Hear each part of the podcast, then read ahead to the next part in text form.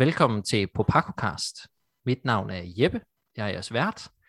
Og øh, med mig i dag har jeg en, øh, en kendt stemme. Jeg skulle lige til at sige gammel stemme, men det tænker jeg, det er jo unfair. Øh, Anders, velkommen til. Jo, tak. tak. Jeg håber, du har det godt. Jamen, øh, det synes jeg, jeg, jeg arbejder alt for meget. Ja. Um, desværre så kan man ikke leve af Popaco, så Desværre. jeg er nødt til at søge den usle mammon andet Ja. ja. steds. Og det, Ikke endnu, er, er nok det, vi skal sige. ja, Ja. lige præcis. Og så har jeg også en anden kendt stemme med mig, nemlig Stefan. Velkommen til, Stefan. Tak skal du have. Jeg håber også, at du har det godt. Det kan du tro. Det var godt. Øh, jeg er også lidt optaget af lidt praktik og lidt arbejde, men ved du hvad, Anders? Ved du hvad, jeg finder tid til? Jeg finder tid til at se noget Dota. Ja, Får du også set noget Dota? ja. Jeg har min, øh, min, min bærbar, Ja. min arbejdsbærbar, som jeg har stående ved siden af min stationære på arbejde, og så kører der egentlig bare Dota på den arbejdsbærbar, mens jeg arbejder. Fordi, Fornuftigt. og sådan er det. Altså, det, Ja. ja. det, er jo, det er jo The International. Så. Det er det. Og Stefan, ved du, hvad The International er? Jeg tænker, det er noget øh, Dota. Det er noget Dota. Åh, oh, det er godt. Yes, det var lige det, jeg skulle høre. Nej, Det er øhm, en voldsom underdrivelse, men, Ja. men fair. det er den, altså, størst, den spilturnering med den største prispulje nogensinde. Øh, jeg konverterer lige... Øh, I Dota. Nej, Ej, i generelt, verden generelt. Og hvis jeg siger Ah. til dig, at der er en prispulje på 257 millioner kroner, jeg tror du så for det? Nej, det tror jeg da ikke på. Men den er er god nok. 40, 40, Okay. mil- 40 millioner dollars øh, og omregnet til 257 millioner kroner er der i prispuljen. Og øh, hvis du vinder, for, så første præmien, altså det er 18 millioner dollars, et hold får. Øh, så man er rimelig godt sat, hvis man formår at vinde den, øh, den turnering. Øh, og grunden til, at puljen er så høj, det tror jeg også, vi har snakket om før, Anders, ved, øh, ved en anden øh, samtale om Dota. Det er det der med, at fansene, 25% af det, de køber for at støtte turneringen, øh, det går til prispuljen. Så hvert år, der udkommer der sådan en kompendie med nogle lidt lir, lidt kosmetiske, lidt øh, sådan nogle missioner, du kan gå efter, og 25% af prisen, den koster 10 dollars, går til prispuljen. Og så alle de ting, så kan du selvfølgelig købe en masse valuta og sådan noget, du kan opgradere ting for, som 25% også går til prispuljen. Det vil sige resten, så det, det er kun 25% af det, spillerne har brugt på det her kompendie, der går til prispuljen. Resten går lige ned i lommen på Valve. Ja, de tjener godt på det der. Ja, det gør de. Ja, altså det er jo også noget, vi har snakket om før, at det er noget, der skal laves om. Altså, ja. hvis vi skal til at have nogle, øh, det skal til at køres mere ala, ala fodboldklubber eller sådan noget, hvor så vi er sikre på, at de her spillere får, fordi det er klart, hvis du er sådan nogen som OG, som har vundet de International to gange, mm. som de eneste, vil jeg understrege, øh, og de, er, de, de har jo en kæmpe villa nede i Portugal, hvor de har træningshus og sådan noget, men, men der er jo også hold, der, har meget, der skal kæmpe meget mere for sponsorer og sådan noget, fordi de ligesom ikke har vundet der. Øh, Der er selvfølgelig også penge i at vinde majors, men, men ikke, ikke, ikke i... Slet ikke det samme. Altså det er en, en, en promille af det. Ja. Ja. Øhm, så det er noget, de skal kigge på. Selvfølgelig kan de få nogle penge igennem sponsorat og sådan noget, men jeg synes Valve, altså det der holder Valve relevant i e-sportscenen, det er ude, altså det er selvfølgelig Counter-Strike og så også Dota, men, men Dota er jo langt det største. Øhm, I hvert fald, i hvert fald pengemæssigt, ikke? Ja. Øhm, og, og, de- og derfor så, så bør Valve lade, lade flere af de penge øh, køre ned til spillerne. Ja. Men skal I så ikke bare øh, starte et hold? Så er I fri for at arbejde så meget, så kan vi podcast meget mere. Vi er Ja. ja. både for gamle og for ringe. Ja, oh. Jeg er i hvert fald ringe. Er der Jeg ved ikke, om jeg er for gammel endnu. Du er for gammel. Oh, ja. Ej, hvad med Ice Ice Ice? Han er da 31. Det, Ja, vandt han? Nej. ah, det er ikke Var, fair. var, var de i nærheden? Nej. Nej. Du var ikke... Du skal Blev ikke ribe op i det. dunket på af nogle teenager? Ja. Du skal ikke ribe op i det, fordi det gjorde virkelig ondt, da EG røg ud. For satan, det havde jeg sgu ikke regnet med. Men uh, de havde fandme leveret en god indsats i løbet af året, og så kommer de her til International, hvor de bare ligner brudt. Altså Men det er, jo, det er jo EG i en nødskal. Altså, de, de leverer generelt stabilt over en længere sæson, og så er det som om, når de kommer til International, så ryger de tidligt ud. Ja, det, det, det, det har jo så også været Secrets historie indtil videre. Nu er de så i top 4, som de også var sidste år, tror jeg, der var. det ikke passe? Ja. Men altså, Ja. Jeg ser heller ikke Secret som, som et langtidsholdbart hold. Altså, fordi det, det er nogle, nogle personligheder, som er, ja, jeg ved det ikke, de, de føles sådan lidt, altså Matumbaman var jo tidligere Enigma, og Ja. jeg føler også, Secret er lidt heldig med, at de ikke kunne risikere at møde Kurokis hold i år. Det er jo det, man, det er jo det, man siger, ikke? At det er deres øh, kryptonit. Det er Team Enigma. Øh, og når nu Kuroki, han joiner OG næste sæson, så... Ja. Lad os nu se. Nå, vi, øh, vi må nok hellere komme, øh, komme videre, så vi ikke øh, helt sætter Stefan af her med øh. Ja, det er sket for længe siden. Godt. Første nyhed er øh, en øh, udskydning af Ghost Recon Frontline, eller med rettere ord, en udskydning af den lukkede test, de havde annonceret vil komme. Vi ved ikke rigtig sådan lige, hvornår spillet, altså den har ikke fået en release date endnu, men øh, hvad end den release date var, er i hvert fald skubbet. Til dem, der ikke ved, hvad Ghost Recon Frontline er, så er det Ubisofts øh, nye skud på stammen i Ghost Recon-serien. Øhm, og det er så Frontline, som er et Battle Royale-spil med 102 spillere på hold af tre, øh, og så med en masse forskellige modes løbende. Der er noget deathmatch, og så vil der komme nogen i løbet af sæsonerne og sådan nogle ting. Øh, men efter at de har fået masser af negativ respons, lidt eller Anders' øh, ansigtsgrimasse, så har de skubbet øh, den her lukkede test. Øh, den skulle egentlig have været her 14. til den 21. oktober, men øh, de har udskudt den til hvem ved hvornår. Øh, har I set annonceringen af Ghost Recon Front- Frontline? Ja, og nu siger du, øh, nu siger du øh, skud på stammen, og det er måske i virkeligheden skud i foden. Ja. Fordi, hvorfor, hvorfor laver Nice. de, er der nogen, der kan forklare mig, hvorfor de laver en, en Battle Royale, et Battle Royale-spil, som ingen har bedt om? Altså, Nej, i stedet for at lave noget Ghost Recon. Ja. Øh, jeg var helt vild med øh, Wildlands. Jeg synes, det var stærkt undervurderet, det spil. Øh, fordi det var, øh, altså det er jo den tætteste, man kom. Altså, okay, okay. Så jeg er øh, rigtig glad for Splinter Cell. Ja. Og det tætteste, man kommer på, på tactical espionage action øh, de sidste mange år, har været Wildlands. Jeg ved godt, du kan godt bare myldre ind og, øh, og lægge øh, hele kartellet ned, men du kan også vælge at spille det som, som et espionagespil. Og det synes jeg, der var fuldstændig genialt. Og opbygningen med, at man skulle finde de her underbosser, som lidt der videre til, til en overboss, og så kunne du pille alle de her grene af, af kartellet i Wildlands øh, fra hinanden. Og sidst men ikke mindst, så spillede jeg det med, med min søn og min bror. Mm. Så vi spillede altid tre på de her missioner. Det var mega fedt. Det var en Ja. ja. kæmpe spiloplevelse. Så lavede de øh, det der... Altså, jeg, jeg har ikke spillet Breakpoint. Øh, min bror, han hentede det, og så kunne det ikke load. Og så blev det aldrig til noget med, øh, med Breakpoint. Men jeg kan så forstå, at det, det skulle være fuldstændig ekstremt buggy. Øh, og ikke... Jeg ved egentlig ikke, hvorfor det, hvorfor er det ikke godt, Anders, Breakpoint. Øh, det er ikke buggy mere, men det var det i starten. Altså, det Mm. kom for tidligt på, på gaden. Øh, I dag er det et virkelig godt produkt. Um, de har blevet ved med at arbejde ved. Lidt ligesom Wildlands jo. Wildlands var heller ikke godt dag 1. Um, det havde faktisk også rigtig mange bugs. Men, men, uh, men fælles for de her to titler er, at de har arbejdet rigtig meget på dem. Og, uh, og lige Breakpoint har de tilføjet rigtig meget, så du kan få en endnu mere tæt på Splinter Cell oplevelse, end, end du kunne endda i, i Wildlands. Så, så det er et rigtig godt uh, spil i dag. Det var bare noget bag i starten, fordi det kom for hurtigt ud. Skal jeg jo købe det? Ja, det, det, ja, jeg tror, du vil kunne lide det. Det er jeg ret sikker på. Men det er meget ala Ubisoft, det der, at udgive et spil, som øh, får dårlig respons i starten, og så arbejder de på det, og så får de rent faktisk lavet et ret fint spil ud af det. Så hvorfor skulle det ikke også være det her med Frontline?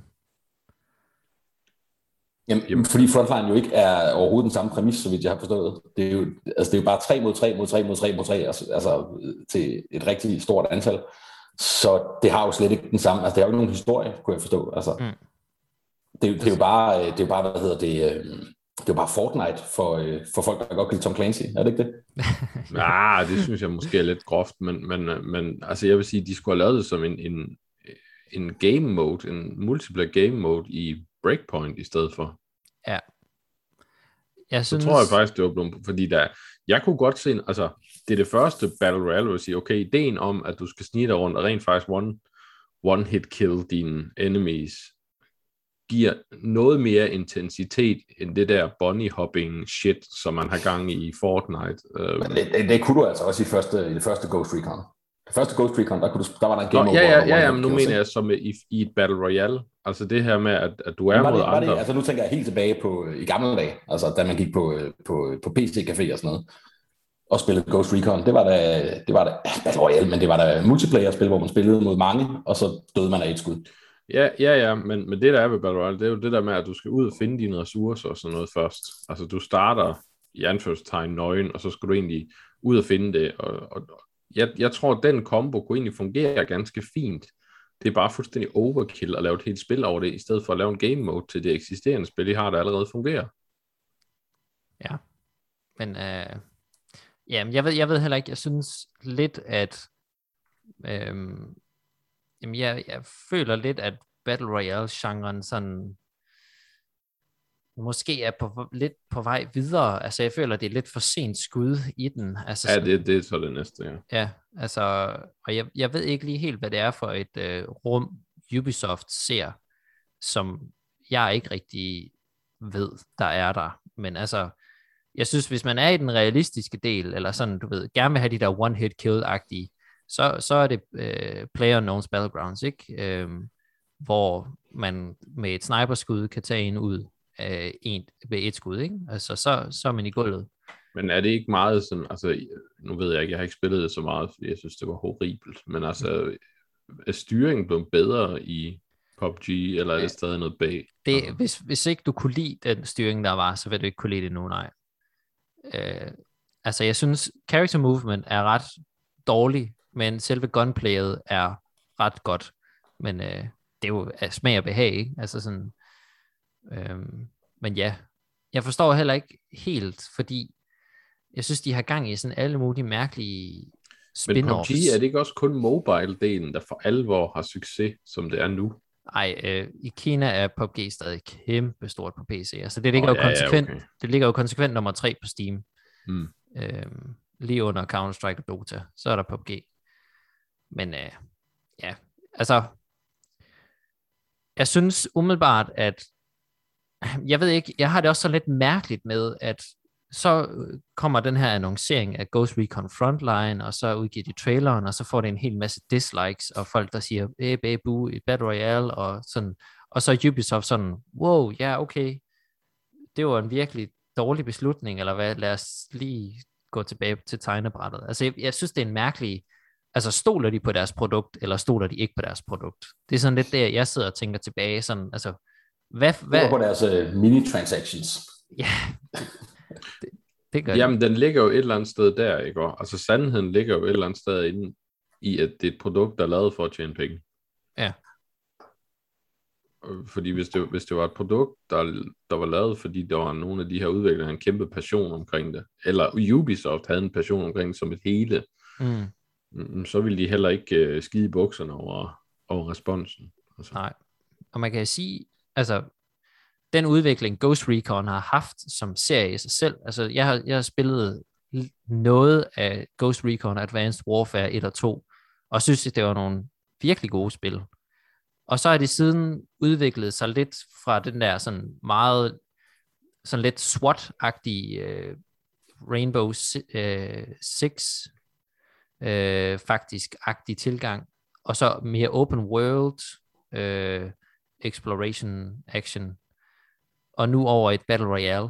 Altså sådan, det er en sjov udvikling, den serie har haft, synes jeg, men det giver måske god nok mening. Jeg synes, det, jeg synes, det ville være meget bedre, hvis de fortsatte i deres uh, open world. Det er det, der, det er det, der fungerer for dem, altså i Ja. ja. Ghost Recon. Det er det, der gør det, øh, gør det specielt, ikke?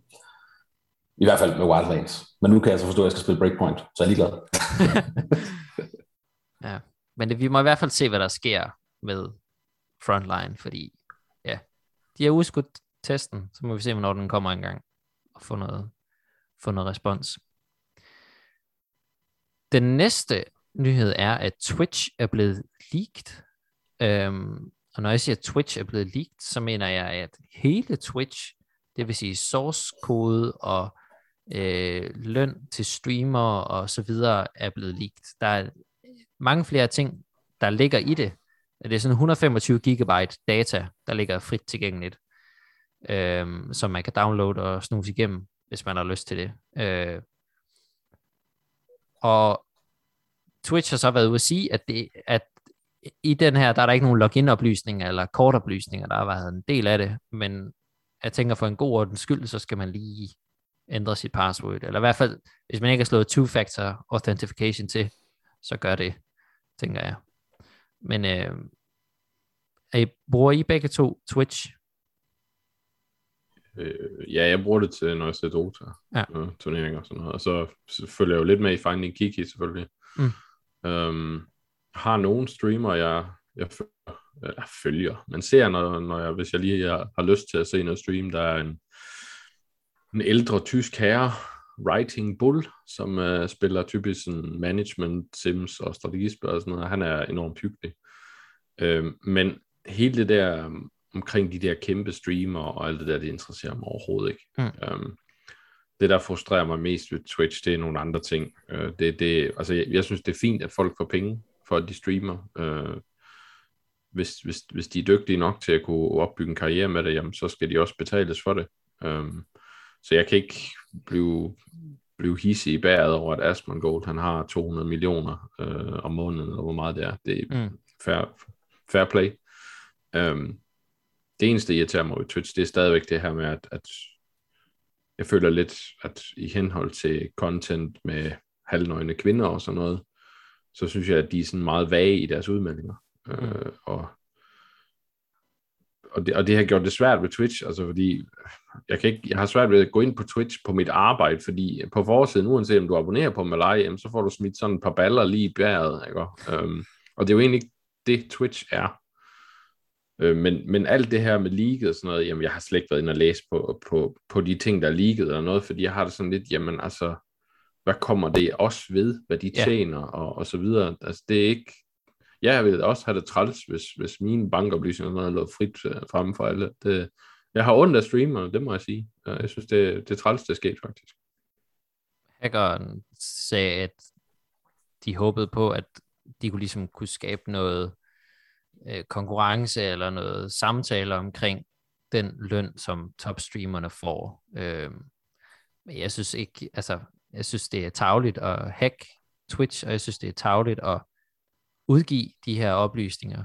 Øhm, det, det indeholder betalinger, som streamer har fået fra oktober 2019, tror jeg, og så til omkring nu, hvor det, hvor det blev leaked. Øh, bruger du Twitch, Stefan? Altså, jeg kan forstå på Anders, at jeg åbenbart skal til at bruge det noget mere. Hvis man får baller smidt i ansigtet, hvad man på det. øh, men jeg bruger det faktisk kun, når jeg via demokrati, altså via demokratisk proces, skal gennemføre Dragonslayer. Nå, ja, Nej, jeg bruger det til øh, øh, mange af de spil, som, øh, som jeg spiller, figurspiller, eller har spillet, War Machine for eksempel. Ja. Og også øh, Crisis Protocol bliver altid streamet på Twitch, når der er turneringer. Ja. Så der kan jeg godt finde på at gå ind og, og se Twitch. Ja. Men ellers bruger jeg det ikke overhovedet. jeg synes, øh, for mig er Twitch sådan en nem måde, og det er lidt ligesom sådan gammel tv.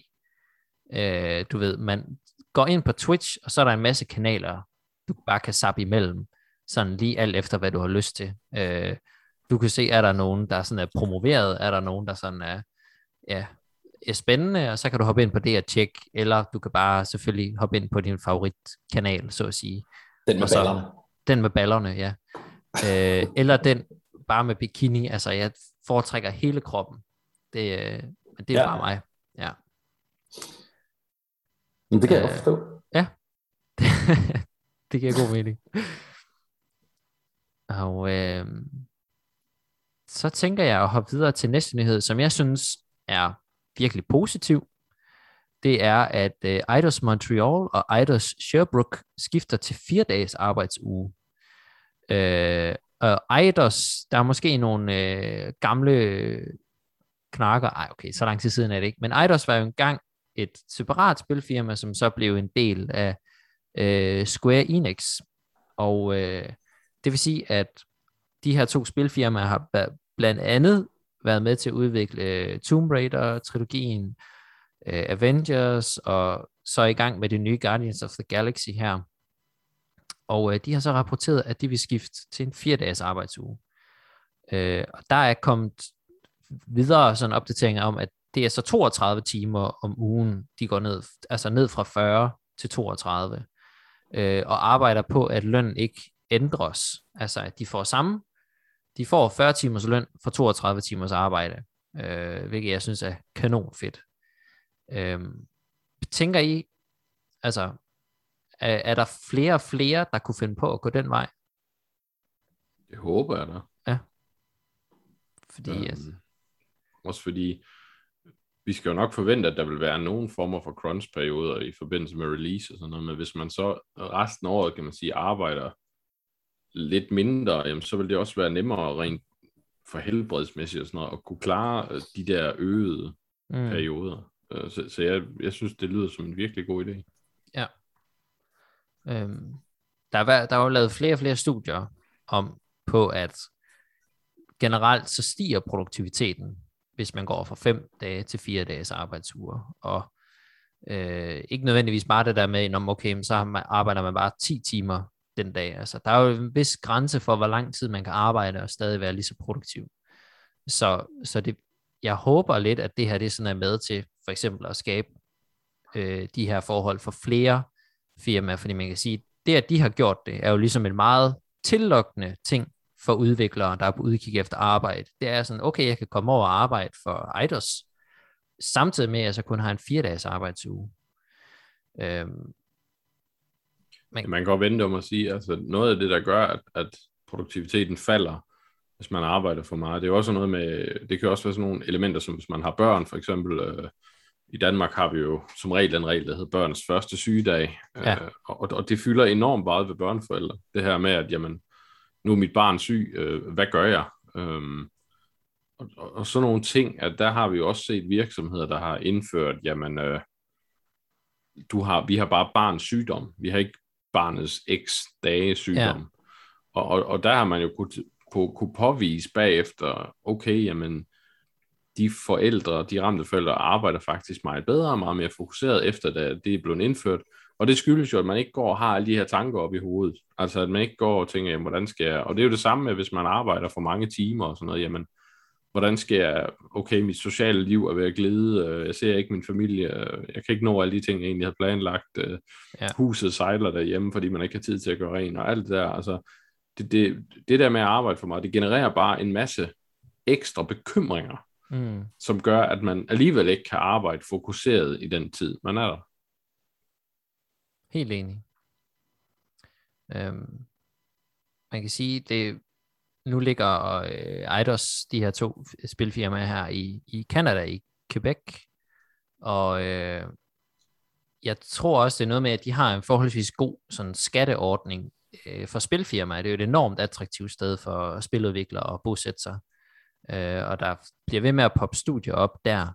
Så jeg tænker også, at det er, man kan sige, måske de forhold, der er i Canada, der gør, at der er mulighed for at lave sådan nogle attraktive arbejdsforhold.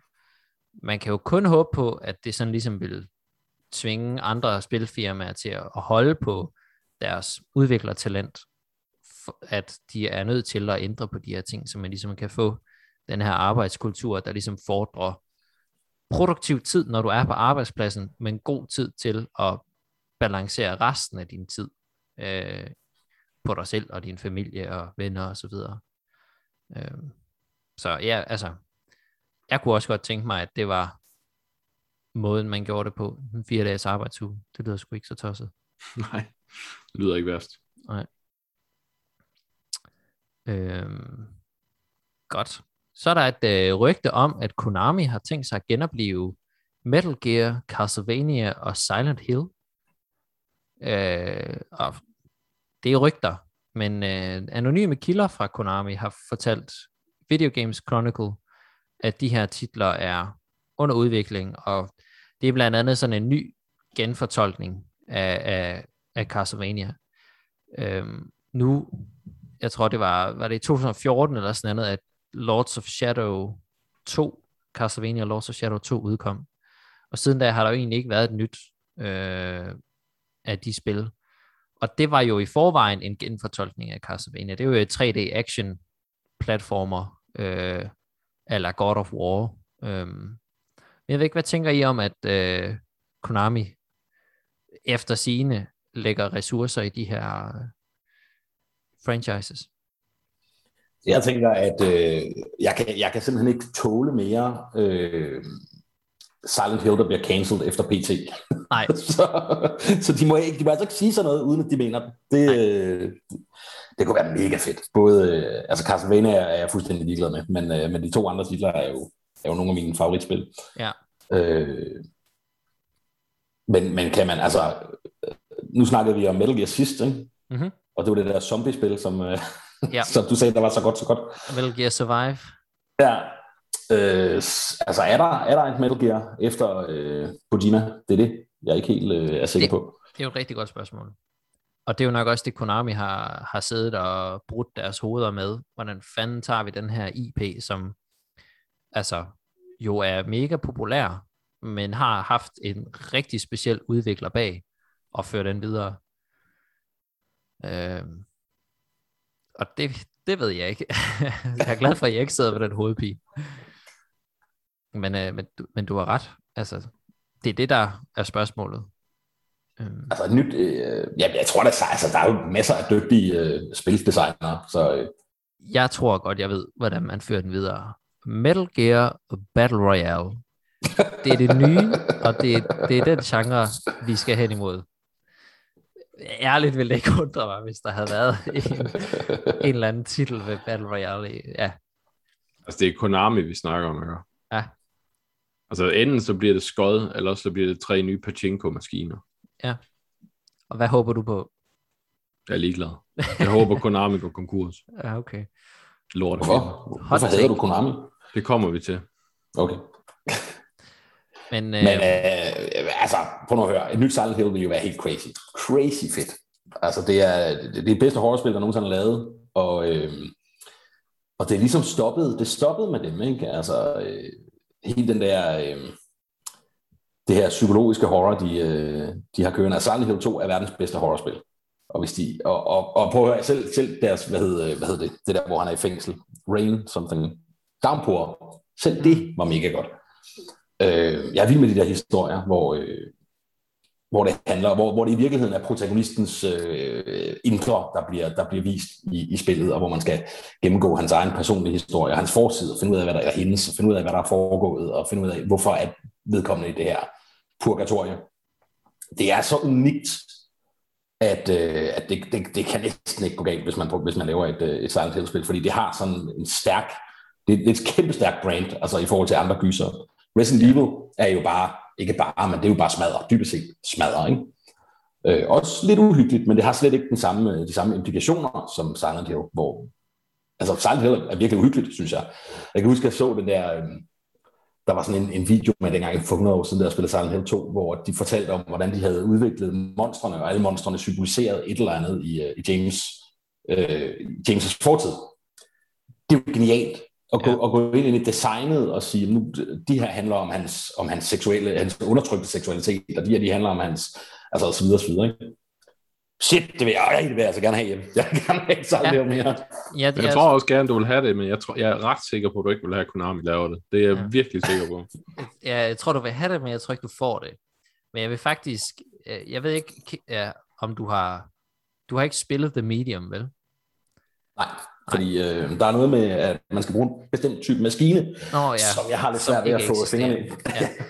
Hvis, hvis, hvis du når, nu skal jeg være optimistisk, når du får fingrene i den, så, så vil jeg anbefale dig The Medium, fordi blandt andet det her, du taler om med, at der er nogle monstre, der er designet efter en speciel sådan psykologisk, hvad skal man sige, øh, tilstand eller problematik, er blandt andet i The Medium også. Øhm, og det har den her lidt old school, tredje person øh, exploration, øh, sådan lidt puzzle tilgang. Øhm, det, jeg tænker ikke nødvendigvis, det er lige så godt, men det har helt sikkert nogle aspekter af det, som jeg tror, du vil finde ret interessant i forhold til. Så har det jo, øh, og så har det jo øh, Akira Yamaoka Ja, på, øh, på det er musikken, rigtigt. og det er jo, Det er det er det er jo et kæmpe plus. Og, og, og man kan også godt høre, at han har, han har været inde over. Øhm, men jeg skulle også sige sådan, at man kan sige, at gysergenren generelt er jo, er jo ganske populær, men den er jo lidt anderledes nu, end den var dengang Silent Hill var på toppen. Øh, nu er det jo meget first person, sådan de her immersive, øh, ikke sim, men du ved, de her first person virkelig uhyggelige. Og så er der jo også kommet en hel masse co-op-spil, altså sådan de her med, hvor du samarbejder omkring at løse en problematik, altså for eksempel at besøge et hjemsøgt hus og få ånden der ud og sådan noget, ikke? At Jo. der er en, der er en, en bestemt retning, som gysergenren sådan lidt har bevæget sig ud i, som jeg ikke sådan nødvendigvis lige ved, hvordan Silent Hill passer ind i. I hvert fald ikke den klassiske form. Hvad, hvad med det der, de viste en trailer i går for, hvad fanden hed det, Jeppe?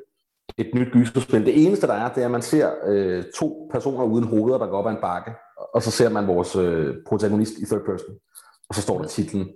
Ah, det, det så jeg faktisk ikke. Det, der må jeg være der svar skyldig. Jeg var, jeg var solgt med det samme. Men øh, jeg så en trailer til et gyserspil, der hedder Charles the Spider Train, eller sådan noget, hvor man løber rundt og bliver jagtet af et, øh, en ed, et æderkoppetog, som ligner lidt Thomas the Tank Engine, øh, bare som en æderkop, og så er der toglyde, når den jagter dig. Øhm, ja, så det kan man jo tænke om, hvad man vil. Jeg synes, det lyder, jeg synes, det lyder rigtig uhyggeligt. Ja. Det hedder Wronged Us. Det spil, jeg, jeg nævnte. Wronged Us. Wronged Us. Aha. Spændende, spændende. Øhm, nå, men øh, en, så, okay, du gav mig en segway tidligere, Anders, men jeg prøver lige at lave min egen. Øh, det nyeste Castlevania, der blev lavet, blev udviklet af Mercury Steam, som også er dem, der har udviklet det nye Metroid Dread. Men Mercury Steam har så sagt, eller har undladt at inkludere udviklere, der har arbejdet på Metroid Dread i credits. Fordi Mercury Steam siger, at hvis man ikke har arbejdet minimum 25% af spillets udviklingstid, så har man ikke fortjent sit navn i credits. Uh, what the F? Altså, så i princippet, så skal, det, har, det har vist været fire år under udvikling. Så selvom du har arbejdet på det her spil i 11 måneder, så kommer dit navn ikke med på credits. Med mindre du har leveret en eller anden undtagelsesvis exceptionel indsats, som gør, at du så har fortjent at få dit navn på. Det er da enormt skadeligt for altså industrien, tænker jeg, at øh, folk ikke får sat deres navn på credits, som de har været med til at udvikle. Jeg ved ikke, hvad tænker I om det? Ja, det, det er forfærdeligt. Um, Mm. mm. Altså, det er dumt.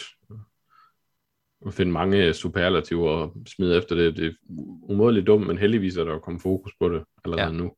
Um, og øh, ja, må ikke øh, de bliver tvunget ud i at lave en, en, ret, en ændring af credits, Det håber jeg. øh, og så patch det ind. Um, det tror jeg, det sker. Men, ja. men det, er, det er for dumt af dem, og det er, det er en virkelig øh, klam måde at arbejde med underleverandører og sådan noget på. Så Ja. skam jer. Øh, fordi jeg kan ellers rigtig godt lide Mercury Steam som udviklere. Øh, de er ret dygtige. Øh, de kan mange ting. Altså jeg er specielt imponeret over deres øh, remake af Castlevania. Jeg er kæmpe fan af Lords of Shadow 1'eren. Jeg har ikke spillet 2'eren. Øh, mest fordi, at den sådan atmosfære og øh, environment og boss design og sådan noget, det, det, det var f- virkelig fedt. Øhm, men hvis det er endnu et sted, der har sådan nogle dårlige arbejdsforhold, øh, så falder de i min agtelse, må man sige, fordi det er også kommet frem, at de vil give en økonomisk bøde for ikke at give minimum 42 dages notits før opsigelse, altså før man, før man er stoppet. Og det er, de er baseret i Spanien, og den spanske lovgivning siger, at det bare skal være 15 dage før. Øh, så det giver ingen mening, at de har sat sådan en eller anden mærkelig ramme på 42 dage øh, før, fordi det er ikke en del af lovgivningen. Og så giver de en økonomisk bøde. Altså sådan, det er jo også bare sindssygt dårlig stil, tænker jeg. Ja. Skam ja, som du siger, Anders. Øhm, ja, og så en øh, sidste nyhed.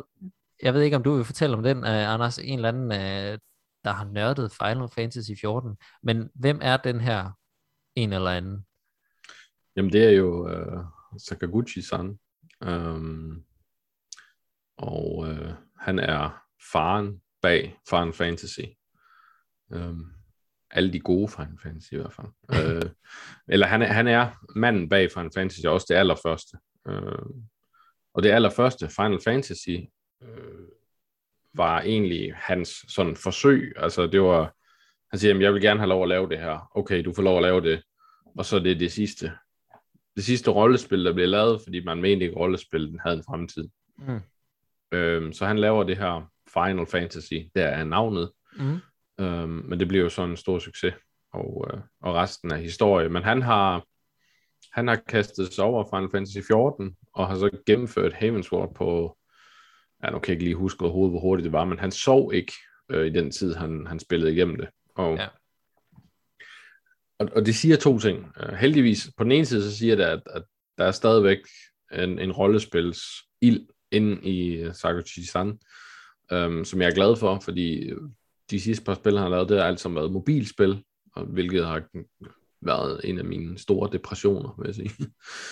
um, Hvad er det, og, hans firma øh, hedder? Kan du huske det? Hvad? Hvad er det, hans firma hedder? Kan Mistwalker. Ja, det er rigtigt, ja. Øh, firmaet bag det sidste virkelig fantastiske Final Fantasy-spil i air quotes, uh, Lost Odyssey, som ikke var Final Fantasy, men som føltes som mm. det gamle Final Fantasy. Uh, det var fedt. Det var pisse fedt spil. Ja, helt fantastisk spil. Um, og, uh, og den mand, han, han forelskede sig fuldstændig i Heavensward uh, expansion til Final Fantasy 14, som jeg også selv gjorde. Altså, jeg, jeg græd efter slutningen på, på Heavensward. Jeg synes, det er noget af det bedste det er det bedste Final Fantasy, der er lavet siden Lost Odyssey, om man vil. Um, det er langt bedre end, end 10, 12, hvad har vi? Altså, det er langt, langt bedre. Øh, Lige så, hold fast i, at 10 er rigtig godt, også? Jo, men 10'eren er fint, er fint nok. Altså, det, det er stadigvæk et godt Final Fantasy. Men det var sådan begyndelsen på enden, om man vil. Altså, fordi du havde nogle karakterer der, der var helt horrible til dels. Altså, hoved, hovedpersonen i tieren er jo decideret åndssvag. Altså, og jeg glemmer aldrig den der scene, hvor de står og, og råber griger, skrin, griner ud over skrænten. Ah, den har jeg og, set. Man. Det har jeg set et YouTube-klip af. Men tieren var, var okay. Jeg er dybt uenig med det der, Anders. Altså, det, er jo, det, er jo en, det er jo en situation, hvor, øh, hvor øh, en virkelig mørk situation, som de prøver på at komme ud af, og det gør de ved at grine. Det der er der ikke noget galt i. Ej, jeg, synes slet ikke, jeg synes slet ikke altså. jo, jo, jo, jo, det der, sådan er det jo. Sådan er Final Fantasy. Nej, nej, det synes jeg nemlig ikke, det er. Uh, hvis du og går tilbage til... Og er overspillet i Final Fantasy 7. Jo, men det er remake, vi snakker om, så slem er han ikke i den originale. Altså remake er også er ikke et særligt godt spil. Det har jeg også sagt. Jeg synes ikke, det er et særligt godt spil. Mm. Um, men, men hvis du går tilbage til 4, 5, 6, det er nogle enormt mørke historier med nogle meget, meget tunge, voksne dialoger. Øhm, og det samme gælder Havensward. Det er ikke et, øh, det er ikke de der fjollede, nu har vi bælte, tøj, bælter i stedet for tøj, og øh, teer, som jeg ved ikke hvad. Øhm. Det er ellers godt character design, vil jeg sige. Ja, bælter, bælter i stedet for tøj. Ja, bælter, bælter, bælter. øhm, så, så altså, men, men i hvert fald, Havensward er helt fantastisk. Og det er Final Fantasy 14 generelt, og det, når manden bag bliver så fanget af det, så må der jo være noget om snak. Så må der være altså, noget om det. Ja. Og jeg ja. håber, at det inspirerer ham til at jeg håber, at det inspirerer Microsoft til at gå til ham og sige, hey, her er 400 øh, millioner dollars. Vil du godt uh, lave efterfølgeren til Lost ja. Odyssey, tak. Ja, um, værsgo. Uh, og, fordi den mand, han har bare en, altså, ja, han var kunne det, noget særligt. Var det 30 timer, han havde spillet i streg eller sådan noget? Ja, uden, uden sove, ja. ja. Og man, han er 58, altså jeg vil ja, slet ikke klare det, jeg er kun 36, altså det, det, er, altså det vidner også lidt om, at, at Sakaguchi, han er mere hardcore gamer, end nogen af os nogensinde ja. har været. Det. Eller hvad, Shaman også. Ja, det, altså. jeg synes, det er. Men jeg synes, det er sådan en, en lidt en solstråle historie også, fordi han har jo ikke været med i de sidste mange Final Fantasy, men det er ikke sådan, at han er rendet rundt og er butthurt over det. Det er rigtigt. Altså, han, han har spillet dem alle, og, og har aldrig været ude og sige en masse skidt om, om noget som helst. Øhm, og og det, det vidner bare om, at jamen, altså, der, der, det er ikke en... Vi behøver ikke altid at diskutere og blive sure på hinanden over, at nu den, øh, den er ikke med til at udvikle det, og hvad ved jeg. Altså, nogle gange skal vi nok, og, og det er lidt sjovt efter, at mig og Stefan, jeg sidder der ved at bide hovederne af hinanden over, hvad for nogle Final Fantasy, der var elendige og ej, men, men nogle gange tror jeg, at vi skal lære af de der gamle mestre, og så bare lære at nyde det, vi sidder med. Øh, så længe det er lavet af nogle folk, der ikke udnytter deres ansatte. Det er rigtigt. Og, ja, jo. Ja. Man kan også vente om at sige, altså Yoshi P, som jo er ham, der er sådan at directoren bag Final Fantasy 14, er jo også, altså hele Final Fantasy 14 er jo et passionsprojekt. Det er rigtigt. Efter er jo hans... Born der. Hans baby, altså. Ja. Det, det, og, og han er også flere gange ude at sige, at jeg elsker World of Warcraft, og, og det er derfor, jeg har taget meget af min inspiration, men jeg elsker også Final Fantasy, og, og det her, det er, de to har haft vidunderlig elskov, og her er, øh, her er afkommet, eller hvad man skal sige. Men, øh, men, men altså hele Final Fantasy 14 er sådan lidt en kærlighedserklæring til det der med at have lyst til at spille rollespil, og derfor mm. giver det også god mening, at, at han reagerer på det spil på den måde. Det er rigtigt. Men uh, 30 timer, det er godt nok længe siden. Jeg har, jeg ved ikke, om jeg har været op så længe faktisk. Jeg tror, jeg tror ikke for at spille non-stop. Det har jeg Nej. ikke. Det har jeg aldrig været. Nej, det, Det har har jeg aldrig. ikke. Jeg, jeg har taget sådan en all-nighter, men så har jeg som regel crashet om morgenen eller et eller andet, og så har det endelig ja. ikke endt med mere end like, 20, Du skal i hvert fald have en 24 2-3 timers søvn der. Uh, Ja.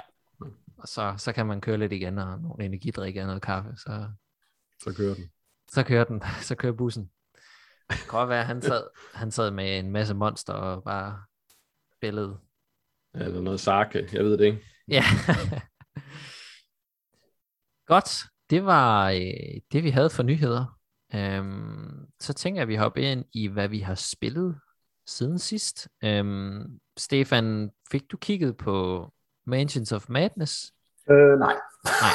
det gjorde jeg sgu ikke. Det Så jeg har ikke rigtig spillet noget nyt, desværre. Jeg kan ikke, øh, dele så meget mere. Men øh, fortæl, hvad det er, du har spillet. Jamen altså, jeg har spillet, øh, jeg har spillet en frygtelig masse Marble Champions. Mm. Fordi øh, efter jeg købte af Anders, så øh, har jeg købt alt, hvad man kan få til det. så det er, øh, det er blevet lidt en guilty pleasure for mig. Og det er jo bare et fantastisk spil. Altså det, er, det har så mange forskellige muligheder, og øh, hver eneste boss, du slås mod, er forskellig, og, og hver eneste held, du spiller, er forskellig. Og sådan, det, øh, altså, det, øh, igen, jeg sagde det også sidst, men jeg kan simpelthen ikke anbefale det nok. Det er et virkelig godt øh, kortspil. Bliver det ved med at være man- frisk? Og det synes jeg. Ja. Det synes jeg, fordi du har de der, øh, du har de der, det er sådan modul, hvad hedder sådan noget, modulært, modulært, så du kan, du kan tage nogle forskellige kort, som er nogle, som har nogle forskellige tematikker, og dem kan du putte ind i den skurk, du spiller mod dæk. Og det gør jo, at dækket spiller anderledes, end det, Mm. End det gjorde første gang, man spillede det. Så det har en enorm replay value. Plus at samtlige af heltene er meget, meget forskellige. Øhm, og man kan jo bygge dem med de der fire forskellige aspekter, som de har, så derfor så er der jo, altså der er virkelig mange muligheder. Ja, ja, ja. Øh, jeg synes pengene er, og så er det ikke ret dyrt. Det er heller ikke gratis, vel, men, det, men jeg synes, taget betragtning af, hvor mange timer jeg efterhånden har lagt i det, så synes jeg faktisk ikke, jeg har betalt så mange penge for det. Mm. Øhm, og ellers så har jeg jo spillet Marvel Crisis Protocol, fordi at jeg tror, jeg skal til turnering i næste måned. Så jeg prøver på at finde ud af, hvad jeg skal spille i det. Og det er jo Ja. et, øh, det er jo et superhelte figurspil, øh, hvor man spiller, altså man har mellem tre og seks modeller på bordet per spil. Øh, og så konkurrerer man i nogle forskellige scenarier, og der kommer så en, en turnering her næste måned, som jeg er Frej deltager i. Hvorhen? Øh, jamen her i Aarhus, til, i forbindelse med deres, øh, det der hedder AROS-kon, som er en, en Ah. stor kon, hvor der er både er, der er både Warhammer, øh, Age of Sigmar, der er Warhammer øh, 40K, der er War Machine, og så selvfølgelig øh, øh, Crisis Protocol. Mm. Og sikkert er også nogle spil, jeg har glemt. Jamen, øh, kan jeg huske det? Jeg tror, det er den 19. i næste måned. Okay, 19. 19. 20. i næste måned, eller sådan 18. 19. Det er den weekend i hvert fald. det kunne godt være, at man skulle kigge forbi og se, om der var noget sjovt at følge med i. Der er ikke, der er ikke Dota. Nej, men så kan jeg jo se det på min telefon, når jeg står der. Nå, ja, det er rigtigt. Jamen, du skal da kigge ud. Det kunne da være super hyggeligt. Øh, ja, så jeg har travlt med at teste forskellige lister. Det er jo sådan, man bygger en liste med, med 10, øh, 10 superhelte og øh, nogle kort, og det skal helst hænge sammen i forhold til scenarierne, fordi scenarierne i Crisis Protocol øh, har forskellige pointværdier. Så du bliver nødt til at kunne være forberedt, når du skal sådan for, om du skal spille øh, 14, 15, 16, 17, 18 eller 19 eller 20 point. Og der skal du så ligesom have forberedt listen. Okay. De modeller, som du vælger at tage, hvis det, hvis det skulle ske, at det her scenarie bliver valgt. Ikke? Ja, Så okay. der er en del af forberedelse i det, synes jeg, hvis man gerne vil klare sig godt. Altså min søn, han forbereder sig aldrig, og han klarer sig altid godt. Så måske det er bare spilder tid.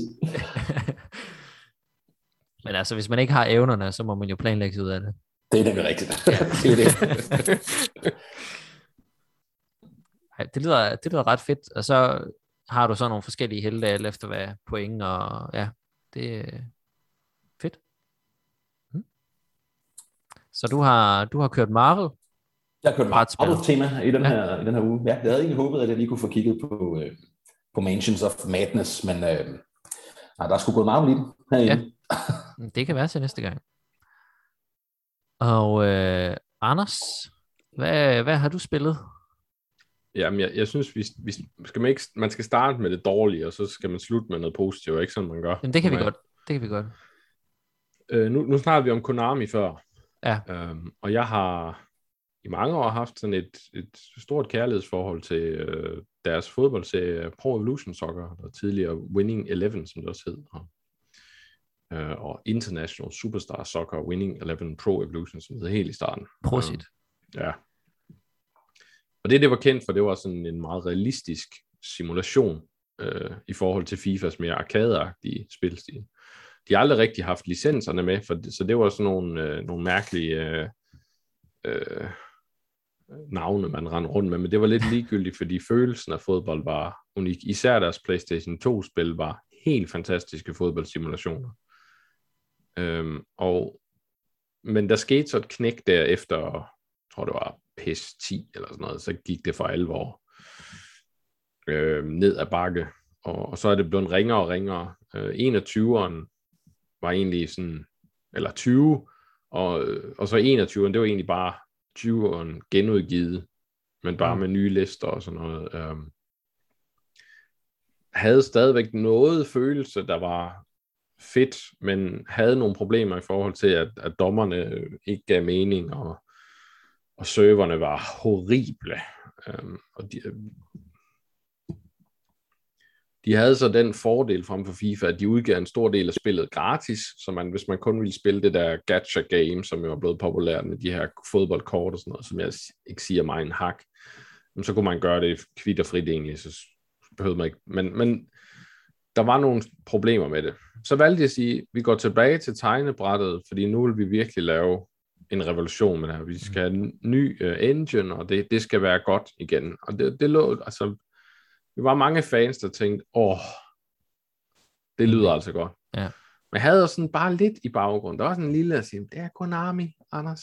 Lad nu være med at få, få begejstring for højt op, fordi det er tydeligt, de er fuldstændig ligeglade med deres spildivision. Um, Men så, og så kom spillet, og det er det værste B. Det er simpelthen forfærdeligt. Ja. Altså det er, jeg ved ikke, hvad man skal sammenligne det med. Altså, jamen, det er svært, fordi det er, det er, hvis du går ind på en restaurant, og du forventer at få sådan en super lækker menu, og så går de ind, og så serverer, så stiller tjeneren sig over tallerkenen, og tager en sen- kæmpe dump på din Ja, tallerken, og så kan du få lov til at æde det. Øh, det er det, de har gjort. Altså, de har brugt to år om at servere den værste stinkende hestepære af noget bag. Og det er, og, og lad mig forklare hvorfor. gerne. Øh, for det første, så er det grimt, men det kan jeg så leve med. Altså, hvis man, men det har I nok set nogle af de Ja, jeg der, har set billeder af det. af Kæft, Ronaldo det og Messi. Det er, altså Messi synes jeg er meget godt gengivet, for han er også lidt en rotte i virkeligheden, så det passer nok meget godt. Men, men, men, øh, men det er så, hvad det er. Det kan jeg leve med. Altså, det er ikke grafikken, der betyder noget, men gameplayet er forfærdeligt. Altså, det, de løber, som om de, er, som om de løber i melasse hele tiden. Unaturligt langsomt. Øhm, pasningsspillet, det er på niveau med, med serie, serie, ja, det vil jeg ikke sige, 6, tror jeg. Altså, at se Ronaldo aflevere en bold, hvor, hvor det, det går så langsomt. Altså selvom du skal nærmest hug til kuglen, for at den skifter bare ind i midten af banen, og det er så horribelt lavet. Og de er ikke, dommerne er stadigvæk lige så elendige, så altså, det, det kunne ske det, at AI'en kommer og flæsker der bagfra, nærmest med en økse eller et eller andet, og jamen det er bare, kom videre, lad være med at lægge der piv, og så bagefter så rører du petit bolden, men det får den anden til at vælte, og så er der rødt kort, og det er, det er så tåbeligt lavet, det spil, og, og det er fuldt fortjent, at det er det ringeste anmeldte spil ja, på Steam nogensinde, og det er så dårligt, og Konami kan rende mig noget så grusomt, og jeg er fuldstændig ligeglad, hvad der kommer fra dem. Jeg håber, de går konkurs, og jeg håber, de, ja det ved jeg ikke, jeg håber, de får analklø, og deres arm, de skrumper eller et eller andet. Altså, jeg er så træt af det firma, og hvad I har gjort ved en så mange elskede serier efterhånden. Altså, ja, nej, glem det. det Men det er gratis lort, er det ikke? Ja, jo, jo, du får noget af det, jo, men du skal oh, jo stadigvæk ja. betale for, for, for Master League og de ting, som, okay. som man godt kunne lide at spille. Og serverne er jo ikke blevet bedre, men... Men det er heldigvis blevet dårligere, så... Ja, altså man kan jo sige, hvor man måske de sidste par år havde det sådan lidt, skal jeg købe det? Altså, der, er jo, der er jo noget, jeg stadigvæk godt kan lide. Og sådan noget. Så nu er det så kommet der, du behøver ikke engang downloade det. Altså lad mm. være med at spille kraft og tid, noget som helst på det. Bare lad det ligge. Godt så. Det vil vi gøre. Men, ja, øh, beklager. Men, nej, øh, det, det der var fint. meget, det var, ja, ja men det er godt, indebrændt. altså, der, det, så ved folk, der lytter, hvad de skal gøre med det. Ja, det ligge. Hold, hold jer væk fra det bag. Ja. Ja. Er der noget andet, de skal spille så? Øh, altså det næste, jeg snakker om, behøver de sådan set heller ikke. okay, altså, vi går lidt op ad rangstien. Så. men men det, er, det er trods alt noget bedre. Altså, jeg har spillet lidt Marvel Avengers, øhm, mm. og, og, og jeg var faktisk positivt overrasket, vil sige. Ja. Fordi det er jo et spil, der i den, den grad er skældt ud, øh, må man sige. Øh, jeg spillede primært kampagnen, og det var, det var fint nok. Det var okay. Det, var, det føltes sådan lidt Sony-spil-agtigt. Øh, mm på den måde, at du så det, altså ikke at Sonys kvalitet er der, det er jo ikke det, fordi ah, nej. hvis du spiller Uncharted eller sådan noget, så er det en anden kvalitet, ikke? Men, men du havde det der, du ser det bagved, tredje person, der er en campaign, hvor du skiftes mellem nogle action-sekvenser, noget, øh, nogle cutscenes, og så en boss fight, og sådan lidt af det, og så, øh, ja, yeah. yeah. det er okay. Det, altså, hvis det, man... det lå på Game Pass, ikke? Jo, og ja. altså hvis man trænger til at spille noget superhelte så, så synes jeg egentlig godt, man kan tage og downloade det og spille det. Øh, jeg vil ikke give penge for det, mm. øh, men, men til, eller jo, altså hvis man får det på tilbud, så er det fint nok. Øh, det Hulk føles, som han skal. Øh, jeg synes, der er en fin forskel på de abilities, de har og sådan noget. Altså, heltene føles egentlig, som de skal. Øh, kampagnen, den er fuldstændig ligegyldig, men, men det er okay. Det er mm. okay. Mm. Det er okay. Mm. det, det er okay. Altså, ja. online-delen er åndssvag, men øh, du render rundt, du vælger en held, og så render du lidt rundt, så kan du tjene nogle ability. Ja. Det. Så spil kampagne igennem, hygge jer med det, og ellers så... Jamen, jeg spillede et par timer, og så tænker jeg, det var da egentlig okay. Det ville jeg spille videre, så jeg ikke rørt til siden. Ah, okay. Ja. det... så det har ikke trukket mere i dig på den måde? Nej, altså det er en, en eh, oplevelse. Ja. Men, men det er ikke forfærdeligt. Det er bare sådan, eh, Fint. Tales of Arise. Er fantastisk. Det, det er ikke. Nej. Nej, det er sublimt. Nu snakkede vi om Lost Odyssey og de der gamle JRPG, der, der gjorde, at man følte noget, ikke? Øhm. Undskyld. Øhm, og Tales of Arise føltes som et af de der gode gamle JRPG, bare med et super fedt kampsystem proppet oveni. Øhm, du har en rigtig god historie, som har nogle interessante karakterer. Øhm, og, og det var jeg overrasket over, fordi Tales-serien har indtil, bortset fra Tales of Asperia til Xbox 360, har det egentlig altid haft sådan lidt meget kliché anime-agtige øh, figurer. Og det er ikke fordi, jeg elsker anime, men, men de kan også, altså, der er klichéer i anime, som, som man ikke behøver at proppe i spil, synes jeg. Men øh, det her, det har en meget interessant historie, hvor du starter som slave. Øhm, du er manden med jernmasken, om man vil, eller manden med stenmasken. Øh, og du er øh, hele din jord, den er egentlig blevet øh, overfaldet af nogen fra en anden planet, øh, og de kontrollerer det her med hård hånd, og, og, de, og de der forskellige områder på jorden, de er inddelt under hver sin hersker. Og hver sin hersker har egentlig valgt at angribe det her med at, at styre folk på hver sin måde. Så man møder både øh, slavearbejde, man møder øh, Gestapo-agtige tilstande, hvor folk de render rundt og angiver hinanden og sådan noget. Øh, og den er, jeg synes, den, det tager nogle umådeligt dystre emner op, men serverer det smagfuldt. Øh, altså det er ikke, der bliver ikke taget let på nogle af de her ting på nogen måde. Øh, og, og der bliver heller ikke gjort grin med det. Der er lidt humor i spillet, men det er altid afpasset på de rigtige tidspunkter. Og det er typisk efter, at man måske har man besejret en af de her herskere her, og, og der er sådan et, et, et øjeblik, hvor de sidder rundt om, om ilden og, og lige puster ud, og der kan det godt være, at der kommer lidt humor ind. Så det er meget, meget, det, jeg synes, de har bevaret en umådelig delikat balance øh, i deres tilgang til historien. Og så er, og så føles den meget old school. Altså, øh, fordi godt nok så er det, altså du har ikke umiddelbart den der, i de gode gamle JRPG, der var der selvfølgelig noget med en verden, der, kunne, der var i fare og sådan noget, men det var på en anden måde. Altså det, det var meget mere en gruppe af, af mennesker, som, som havde hver sit at kæmpe med ved siden af det her. Og, og, og det er det samme her. De har hver deres ting, de kæmper med, og hver deres interessante fortid, som man, man stille og roligt dykker ned i. Men, men de er jo en gruppe af mennesker, som ikke har nogen grund til at stole på hinanden, og det kan man også godt mærke. Altså, der, er, der er sådan nogle langsomt nogle barriere, der nedbrydes, og, og, og den gør det altså rigtig godt. Og så er kampsystemet super fedt. Øh, det har de altid været gode til i Tales, men det har også nogle gange været lidt svært øh, at sætte sig ind i. Øhm, jeg spillede demoen af det, da det udkom, og jeg, jeg kunne slet ikke. Altså, men det var også, jeg, jeg, jeg føler faktisk, at demoen gør en fejl, fordi spillet er så skarpt balanceret, både omkring, hvordan kampsystemet introduceres, hvordan historien introduceres, sådan noget. Så det, at demoen propper dig ind midt i spillet, det fungerer slet ikke, fordi mm. historien giver nul mening, kampsystemet giver ingen mening, og det hele det bliver sådan, men hvis man spiller spillet, så jeg vil, jeg vil anbefale folk, der siger, at jeg elsker de gode gamle JRPG, okay, så køb det, og lad være med at spille demoen. Fordi den her historie er bedst, hvis man ikke engang ser trailer eller noget. Mm. Bare sætter sig ned, sætter det i maskinen, og så bare nyder den tur igennem. Øhm, og kampsystemet er monsterfedt.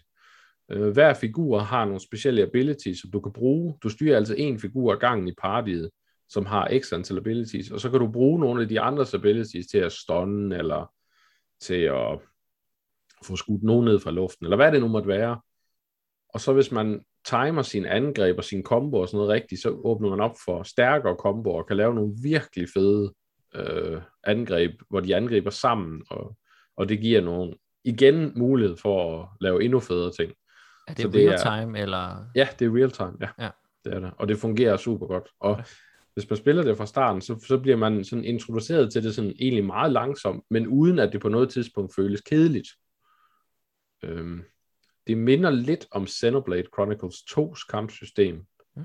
hvor der også var sådan noget lidt type, men meget hurtigere. Altså det her, det er meget hurtigere. Det er ikke, og, og, og du har ikke, i Xenoblade skulle man mange gange stå lidt og vente, mens den autoattack, det skal du slet ikke her. Altså det føles, der er action på, men stadigvæk, så er det, øhm, så er det så fint balanceret, at også kaotiske boss fights, hvor der sker en hel masse, man føler egentlig hele tiden, man har styr på, hvor man er, og hvad der sker på skærmen, selv når der sker en masse på skærmen på en gang. Så det er, øh, det hjælper så også, at spillet er blødende flot. Altså det er virkelig, virkelig flot lavet. Um, så musikken er også god. Uh, mm. Stemmeskuespillet er godt, uanset om man faktisk, uanset om man tager den japanske eller den engelske. Uh, så, så altså jeg må sige, uh, hvis man, kan, hvis man på et eller andet tidspunkt har været glad for JRPG, øhm, så, giver det et så, skud. Så giver det et skud, ja. Men lad være med at spille demo. Ja. Kunne det her godt være dit Game of the Year? Det er mit Game of the Year. Godt. Jeg kan ikke se noget komme og, og komme i nærheden af det. Mm. You heard it here, folks. Øh, det lyder fedt. Det er... Øh... Men øh, ja. Jeg har det sådan lidt... Nogen JRPG'er, altså det er virkelig, det, det er som om, at der er nogle af dem, der sådan bare fanger mig, og så er der nogle af dem, der ikke sådan gør af en eller anden årsag. Altså for eksempel det, JRPG, jeg nok har spillet allermest, hvis man kan kalde det det, det er Dragon's Dogma. Øh, Ja. det, fordi det, det fangede mig bare af en eller anden årsag. Øh, så, så det lagde jeg bare sådan næsten 100 timer i, eller sådan noget. Øh, og så er der bare andre, hvor jeg sådan åbner det og bare sådan, hmm, det, nej, det kan jeg ikke lige uh, se mig selv spille-agtigt. Øh, And altså, Dragon's Dogma er jo også meget vestligt i sin Jamen, det er det. inspiration, kan man sige. Det er det. Altså, Øhm, jeg, sidder, jeg sidder lige og tænker, fordi jeg har spillet nogle japanske rollespil, som, men jeg kan simpelthen ikke lige, ja. Mm. Anyway. Øhm, godt. Så, øh, så hopper jeg over og lige laver et setup, fordi så har jeg lige en anekdote, som jeg gerne vil dele med jer, om et spil, der hedder Green Hell. Øh, Green Hell er et sådan survival øh, spil. Du er ude i junglen, og skal så finde vej igennem junglen. Du har du har rejst afsted med din kæreste, øh, og din kæreste kigger ud for at finde det indfødte folk, og så sker der et eller andet, og så er du nødt til at ud og lede efter hende. Øh, jeg spillede det her med to andre venner, øh, og det er sådan en survival på den der måde, hvor du har vand, du skal balancere, så har du makronæringsstoffer, det vil sige, du skal balancere protein, fedt og kulhydrater, øh, og så har du et energiniveau, og så har du helbred også, som du skal balancere. Øh, Så det er meget sådan survival, du ved. Du starter helt fra bunden og, og skal crafte alt muligt og sådan. Øh, det har ret fedt crafting systemer og, øh, og ret mange fede meka- mekanismer på en eller anden måde. For eksempel så har det sådan et lemme-system. Det vil sige, at du kan betragte din, dine fire lemmer, højre og venstre arm og højre og venstre ben, bare lige for at vi ved, hvad det er for nogle lemmer, jeg snakker om. Øhm, så hvis du for eksempel skulle blive ramt af iler, eller du får en parasit, eller du får et udslæt, eller et sår, så skal du vide, hvad for en lemsdel det er på, for, før du kan fikse det. For eksempel, så skal du finde din arm og dreje den, og så skal du pille ilerne af, for eksempel, hvis du skal have dem af. Sådan. Så det er meget sådan survival med stort S. Nå. Jeg starter det her spil sammen med mine to kammerater, og øh, det er tilpas janky. Altså det er sådan, du ved, animationerne er ikke så velsmurte, at, at man bare sådan tænker, wow, det, der er virkelig noget produktion her i. Det er sådan tilpas kajtet og dårligt lavet, kan man sige, til at det er virkelig sjovt at kigge på, hvordan karakterer bevæger sig, men samtidig er det lige akkurat nok til, at man stadig kan blive opslugt af det. Sådan den der perfekte balance af, at man sådan sidder og smågriner lidt, men godt kan leve sig ind i det. Nå, men vi øh, sætter os ud på vores færd, og vi er jo aner ikke en dyt om det. Der er en af mine kammerater, der spiser nogle svampe, øh, for det gør man jo, når man er ude i junglen. Øh, han får så en positiv respons på det. Han får noget helbred, han får nogle kulhydrater og øh, et eller andet. Øh, og øh, mit, øh, hvad skal vi sige, sultmeter er også ved at falde lidt, og vi falder så over en anden svamp. Og øh, jeg spørger så sådan, var det den her, du spiste? Sådan, Nej, det var det ikke. Nå, okay, jamen, skal jeg prøve den så? Ja, gør det. Og som den modige mand, jeg er, så spiser jeg den her svamp og får madforgiftning. Øh, så jeg øh, begynder så at kaste op, og øh, imens jeg står og kaster op, jeg kan ikke rigtig bevæge min karakter, mens jeg kaster op, så råber mine venner, at der er en klapperslange, som rasler lige ved siden af os. Og øh, jeg står der og kaster op og kan ikke nå at bevæge mig, så jeg bliver bidt af klapperslangen. Og øh, jeg skynder mig så videre, øh, efter jeg er færdig med at kaste op, øh, har udslet på benet, og har det forfærdeligt. Mit helbred er ikke i særlig god stand. Og øh, jeg løber så videre ud i den her lund, og jeg opdager det ikke, men lige som da jeg står og kaster op igen, på grund af at jeg skal have det her svamp ud af min mave, der står jeg så oven i en myretue. og jeg bliver selvfølgelig grov et af de her myrer, og øh, jeg får udslæt op og ned af arme og ben. Øhm, og efter jeg er færdig med at kaste op i myretun, der løber jeg så øh, videre i håb om, at jeg kan finde et eller andet, der kan redde mig fra giften i min mave, giften i mit sår, og det her udslæt, jeg har fået af de her myrer. Men øh, jeg kan jo så fortælle, at jeg formår kun at falde om kul få øjeblikke senere og dør. Øhm, så det var, en, det var en rigtig god 10 minutter start på øh, det her eventyr, vi havde. Øhm, Men jeg elsker sådan nogle spil, som bare smider dig ud i verden, og så må du selv finde ud af, hvad der virker og hvad der ikke virker. Og hvad du skal være ops på, hvad du ikke, og hvad du ikke behøver at være ops på. Og lige så stille så udforsker vi jo systemerne, og hvad, hvad man kan crafte, og altså sådan noget som at bare skaffe vand er umuligt, fordi alt det flodvand, der er, er fuldstændig bakteriebetændt, og jeg ved godt, det er ikke noget, man siger, men det var lige det, jeg kunne sige. Så man skal finde kokosnødder og drikke dem, og så kan du halvere dem og lægge dem, så regnvand samler sig i kokosnødderne for eksempel, og så kan du drikke det. Og... Så der er mange små ting at udforske. Og overordnet set, så er jeg så meget positivt overrasket. Øhm, jeg troede måske, det ville være lidt for janky, men jeg synes faktisk, at det har fået nok. Altså, det er blevet poleret nok til, at det fungerer rigtig fint, og øh, skal have fortsat nogle eventyr med mine øh, kammerater. Øhm, og så har jeg ellers spillet øh, Deathloop, og øh, det fortsætter med at være er rigtig, rigtig godt. Øhm, jeg tænker, at jeg tænker, at jeg til næste podcast har en anmeldelse klar, men hæng mig ikke op på det. Men der tænker jeg i hvert fald, om ikke andet, jeg er færdig med det, og er i gang med at skrive. Øh, og så kan jeg komme med sådan mine endelige tanker om det. Øh, men det forbliver i den positive ende. Jeg synes, der er rigtig mange fede aspekter af det, og øh, det virker som om, at det sådan er meget af det bedste, som Arkane laver, samlet i et spil. Øhm, så det er en fornøjelse at, at spille igennem, og det vil jeg fortsætte med. Yes. Så øh, sidste gang, der havde vi de, der luftede vi det der segment med, hvad der er udkommet siden sidst. Det tænker jeg, vi prøver at gøre igen. Øhm, og øh, siden sidst er Alan Wake Remastered udkommet. Øh, jeg ved ikke, om der er nogen af de her, der skal have det. Jeg vil gerne have det, når jeg på et tidspunkt får en... Uh... Nå nej, fordi man kan jo godt spille på PS4, ikke? Øh, jeg tror jo. faktisk, det kommer til ja, også PS4 og Xbox 360. Ikke 360. 3, ikke 360. Øh, nej, du ved godt, hvad jeg mener. One. One. Ja. ja. øh, jo, jeg tror, det er et uh, PlayStation 4-spil. Det går, at man lige, skulle, uh, man lige skulle spille det. Hvis, uh, altså, nu har der jo... Det er jo ikke så længe siden, der kom den der DLC til Control, hvor, at, uh, hvor der var lidt Alan Wake ja. med. Så det kunne være meget sjovt at, uh, med, det kunne være et meget sjovt gensyn, tror jeg. Ja. Det tror jeg, det tror jeg, jeg gør hjemme. Ja, ved du hvad? Ja. Jeg, jeg håber, der var nogle lytter, der havde samme øh, tanke der. Øhm, så er der også kommet Nickelodeon All-Star Brawl. Øh, hvis man kan lide Super Smash Brothers, så øh, tjek det ud. Det er sådan en platform fighter spil.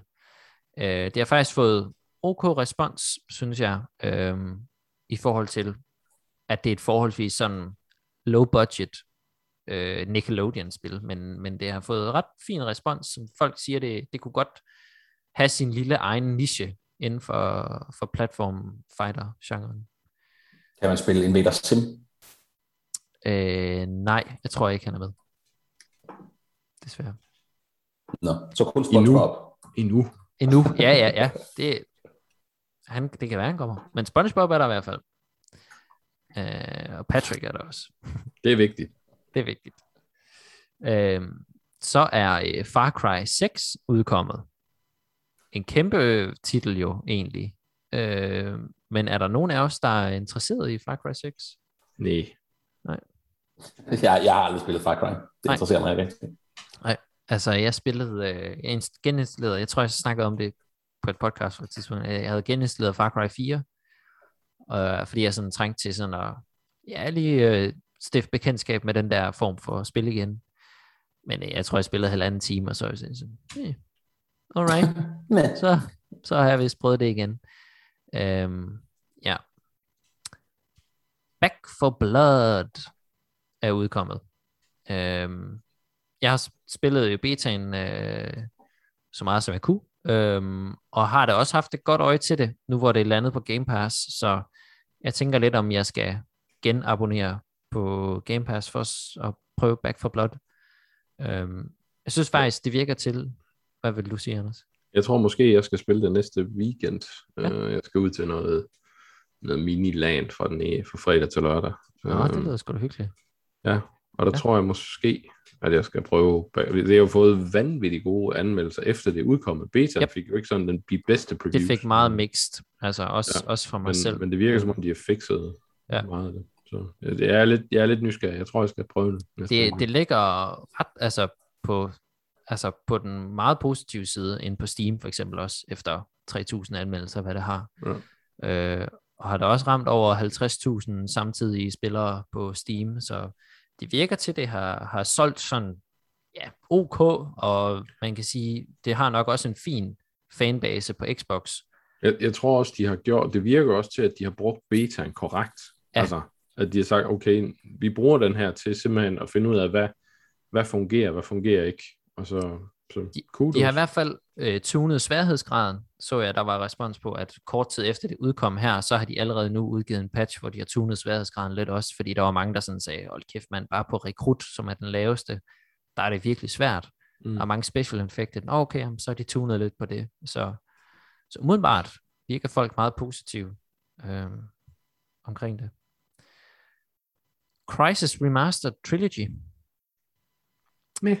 Ja. Stefan. Nej, jeg har ikke spillet det. Måske Nej. har jeg spillet det. Jeg tror, øh, jeg vil bare gerne spille Crisis 1 igen, fordi det er stadig Ja. et af de bedste øh, action stealth spil. Det er sådan, det, det var sådan lidt, det- du ved, Far Cry 1 opgraderet på en eller anden måde til sådan virkelig, jeg har stadig vanvittigt gode minder fra det spil. Det var, øh, og Det Warhead, var virkelig godt. Det Ja. var virkelig godt. helt enig. Så, så synes jeg, de mistede lidt, de mistede, det var som om, de ikke helt havde forstået, hvorfor Crisis 1 var for godt. Nej, lige præcis. Lige præcis. De, de tog alle de ting, som man siger, jamen, de der små elementer fra Crysis, Ja. ja. det kunne virkelig, ah, Ja. ja, ja lad, lad os satse på det. Ja. Øh, nej. Det er sådan, de, de tog for meget øh, frihed væk fra spilleren. Det var det der med, at du kom til sådan en lejr og bare sådan fuldstændig selv kunne, okay, vil jeg bare speed og så strength, og så bare ind og tæsk dem til døde? Eller vil jeg være snigskytte med usynlig cloak, eller vil jeg tænke taktisk og sådan, du ved, kaste nogle ting fra lang afstand og smadre deres biler, eller hvad fanden det nu kunne være. Altså, det Ja, jamen, virkelig- de tog et, et spil, der, der, der tillod spilleren at være enormt kreativ, og så lavede de sådan en gemen korridor-shooter nærmest. Ja, altså, det var præcis. tåbeligt. Det blev meget personlighedsløst lige pludselig. Ja. Og øh, sidst men ikke mindst, NHL 22. Jeg tror ikke, jeg har spillet et hockeyspil siden... Øh... Nej, jeg spillede et på PlayStation 2, tror jeg. Men det var vist det. Har I spillet et hockey... Har I spillet et hockeyspil?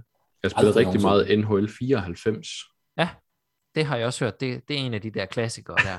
Det, og det kan man jo faktisk downloade på Game Pass, og det fungerer super godt stadigvæk. Nå, de er fedt. faktisk, de, det er faktisk ret godt den måde, de har fået øh, konverteret styringen til. Øh, øh, men øh, jeg, skal, jeg har spillet en del hockeyspil. Jeg Ja. ja. synes, de er meget sjove. Altså, jeg glæder mig til at spille NHL 22. Jeg glæder mig også til at spille det nye FIFA, men jeg, har da sådan lidt, jeg har jo Game Pass, jeg har All, øh, hvad hedder det, øh, All Access, så, og, og jeg ved om en hvad det, 3 til 6 måneder, jamen, så kommer det på EA Play gratis. Ja. Ja. Min nærhed, den, Ja, den, er, den holder dig tilbage. Ja, det gør det godt. Og jeg, jeg ved faktisk ikke, hvad responsen er på det nye NHL 22. Øh, fordi det, de har jo også fået, altså generelt med de fleste sportsserier, har jeg hørt, at det egentlig bare er gået ned ad bakke.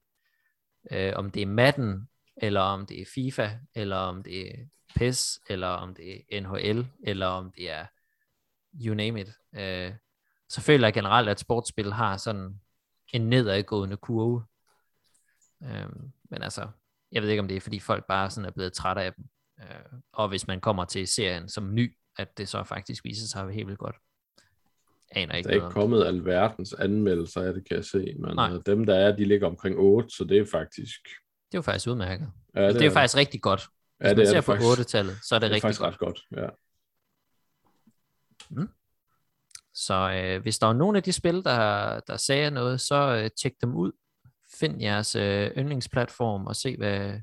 Nu har jeg Det ikke nye lige fået... Sverige-spil er også kommet. Er det rigtigt? A Good Life, eller hvad hedder Ja. det? Ja. Det, øh, det ligger i hvert fald på Game Pass. Og Også- Rift Breaker må man Rift heller ikke Breaker glemme. også. Ja, ah, men jeg var sådan lidt i forhold til, hvad, hvad for nogen er mainstream, og hvad for nogen er sådan...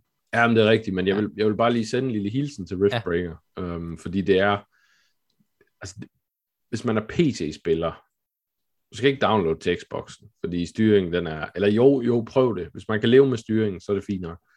Øh, selve styringen af din figur i kamp og sådan noget er fin. Øh, det er mere sådan byggedelen. Den er, altså det er, det er et PC-spil. Men hvis du spiller det på PC, så er det super fedt. Altså det er sådan en blanding, det føles som en blanding af Diablo og en, en Ja. og, øh, og sådan et survival tower defense blandet med, øh, med et bybygge simulator satisfactory-agtigt et eller andet. Og, og på en eller anden måde, fordi det der er til at, at fungere. Så det, det kan faktisk godt anbefales. Det er faktisk ret sjovt. Jeg spillede også lige demoen, og synes egentlig, at det havde ret meget potentiale, synes jeg, så jeg skal ja. Ja. også lige øh, tjekke det ud. Godt. Jamen, øh, det er faktisk blevet vildt mørkt øh, inde hos mig, øh, så jeg tænker, at det er et godt tegn, eller et godt tidspunkt at, øh, at runde podcasten af. Så øh, ja, du sagde, Anders, at du var færdig, eller du er lige om hjørnet med Biotopia-anmeldelse. Den kommer forhåbentlig inden så længe. Ja, jeg har skrevet den og sendt den videre, så det mangler bare at blive rettet. Så, Ja. Øh, Så få fingeren ud. Øh. lidt, lidt anderledes øh, take fra mig end fra resten af redaktionen, så jeg er meget spændt på, øh, på om jeg bliver lynchet af Stefan og de andre. Men øh, Spændende. Det, det gør du uanset hvad. Så, ja, ja, det er Ja. Og så kommer jeg også... Det er bare et spørgsmål om, jeg kommer til tømmer. jeg er godt i gang med at, at skrive uh, Euphoria-anmeldelsen. Ja.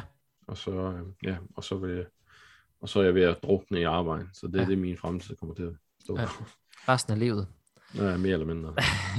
Så jeg tror ikke, jeg tror egentlig ikke, vi har fået nogle nye anmeldelser op siden sidst, men der er en del i, i trykken. Så, øh, så det var nok ikke så længe inden, at, øh, at vi øh, slår noget op om det. Så hold øje. Jeg øh, ved i hvert fald, at Michael snart kommer med Metroid Dread, Nemlig. vi snakker om det tidligere. I, Ja. Så, og det er jo ikke super langt spil, så han er vist i gang, er han ikke? Eller, ja. ja. Han er ved at være færdig med det, så vidt jeg ved. Ja. Super.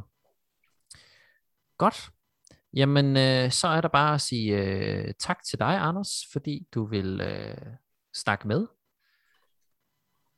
Selv tak. og øh, tak til dig, Stefan, fordi du var med. Ja, tak du. Ja, og så vil jeg sige tusind tak, fordi I lyttede med derude. Vi øh, snakkes ved næste gang. Hej hej. Hej.